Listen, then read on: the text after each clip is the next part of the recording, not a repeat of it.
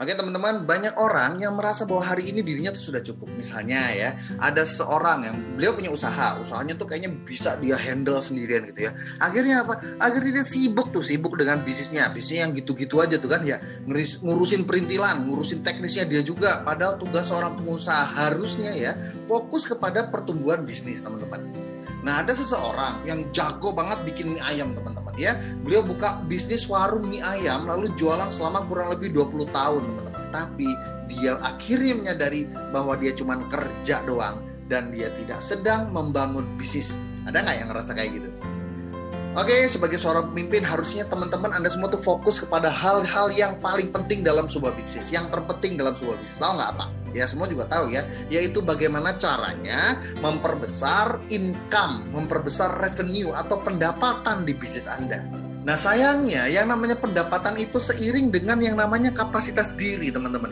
Kata John C. Maxwell, beliau pernah berkata bahwa besarnya bisnis Anda tidak akan pernah melampaui besarnya kapasitas diri Anda. Jadi sebagai seorang owner harusnya kita itu fokus kepada hal-hal yang penting dan belajar untuk mendelegasikan hal-hal teknis kepada tim Anda. Serahkan bagian-bagian teknis sama ahlinya. Ingat, waktu kita terbatas ya, seperti di serial sebelumnya, kemampuan kita juga terbatas, teman-teman. Nah, kalau Anda yang belum punya modal, cukup modal untuk ngegaji tim, ya, untuk ngegaji karyawan, ya sudah ajaklah orang lain yang lebih ahli dari kita di sebuah bidang untuk berkolaborasi, kerjasama, dan nantinya tinggal bagi hasil.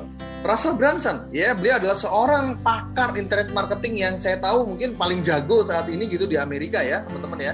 Nah, tapi coba kalau dia disuruh bikin software click funnel itu, kira-kira bisa nggak itu? Ya saya yakin dia nggak bisa bikin itu software ClickFunnels ya karena beliau bukan ahli bidang programming jadi apa yang dilakukan oleh Russell Brunson beliau ajak rekannya ya berkolaborasi bekerja sama untuk membangun platform ClickFunnels tentunya temennya itu ahlinya di bidang programming. Nah, mereka bangun clickfunnel.com ya, which is adalah software uh, cloud based gitu teman-teman ya. Itu untuk membuat sebuah sistem web funnel ya, itu terkenal banget di Amerika ya. Tapi di sisi lain dia nggak tahu detil-detil teknisnya, programmingnya, bagaimana caranya untuk bikin software tersebut. Russell Brunson emang dia nggak nguasain teknisnya, tapi nggak tahu nggak Anda. Di salah satu video di YouTube, dia bisa melakukan selling on the stage di sebuah event di Amerika hanya dalam waktu 90 menit menghasilkan 30 juta US dollar. Anda tahu nggak itu berapa? Itu kalau dikonversi ke rupiah tuh 45 miliar. Kebayang nggak? 45 miliar cuma 90 menit doang. Nah, sekarang kita kembali ke cerita seorang penjual mie ayam. Mie ayam yang dia buat, jujur ya, di Bandung itu yang saya cobain, yang paling enak lah, bisa dikatakan seperti itu. Dia memang jago banget bikin mie ayam yang enak ya. Tiap hari itu dagangan mie ayamnya pasti habis ya. Ludes terjual, laku keras, nggak pernah sisa teman-teman ya. Tapi tahu nggak? Yang dia lakukan 20 tahun yang lalu dengan hari ini ternyata masih sama, teman-teman.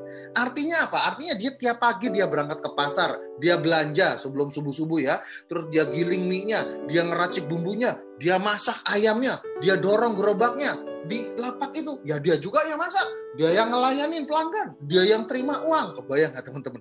Jadi pertanyaannya, dia ini sedang bangun bisnis mie ayam atau dia cuma sibuk seharian ngurusin warung mie ayamnya? Nah lalu buat apa? Punya resep kuliner enak, punya resep kuliner yang lezat gitu ya. Tapi selama 20 tahun ternyata masih di situ-situ doang. Di sisi lain ada orang yang jualnya cuma mie instan doang ya. Eh lah kemon men, mie instan doang rasanya juga ya cuman ya gitu-gitu aja gitu ya.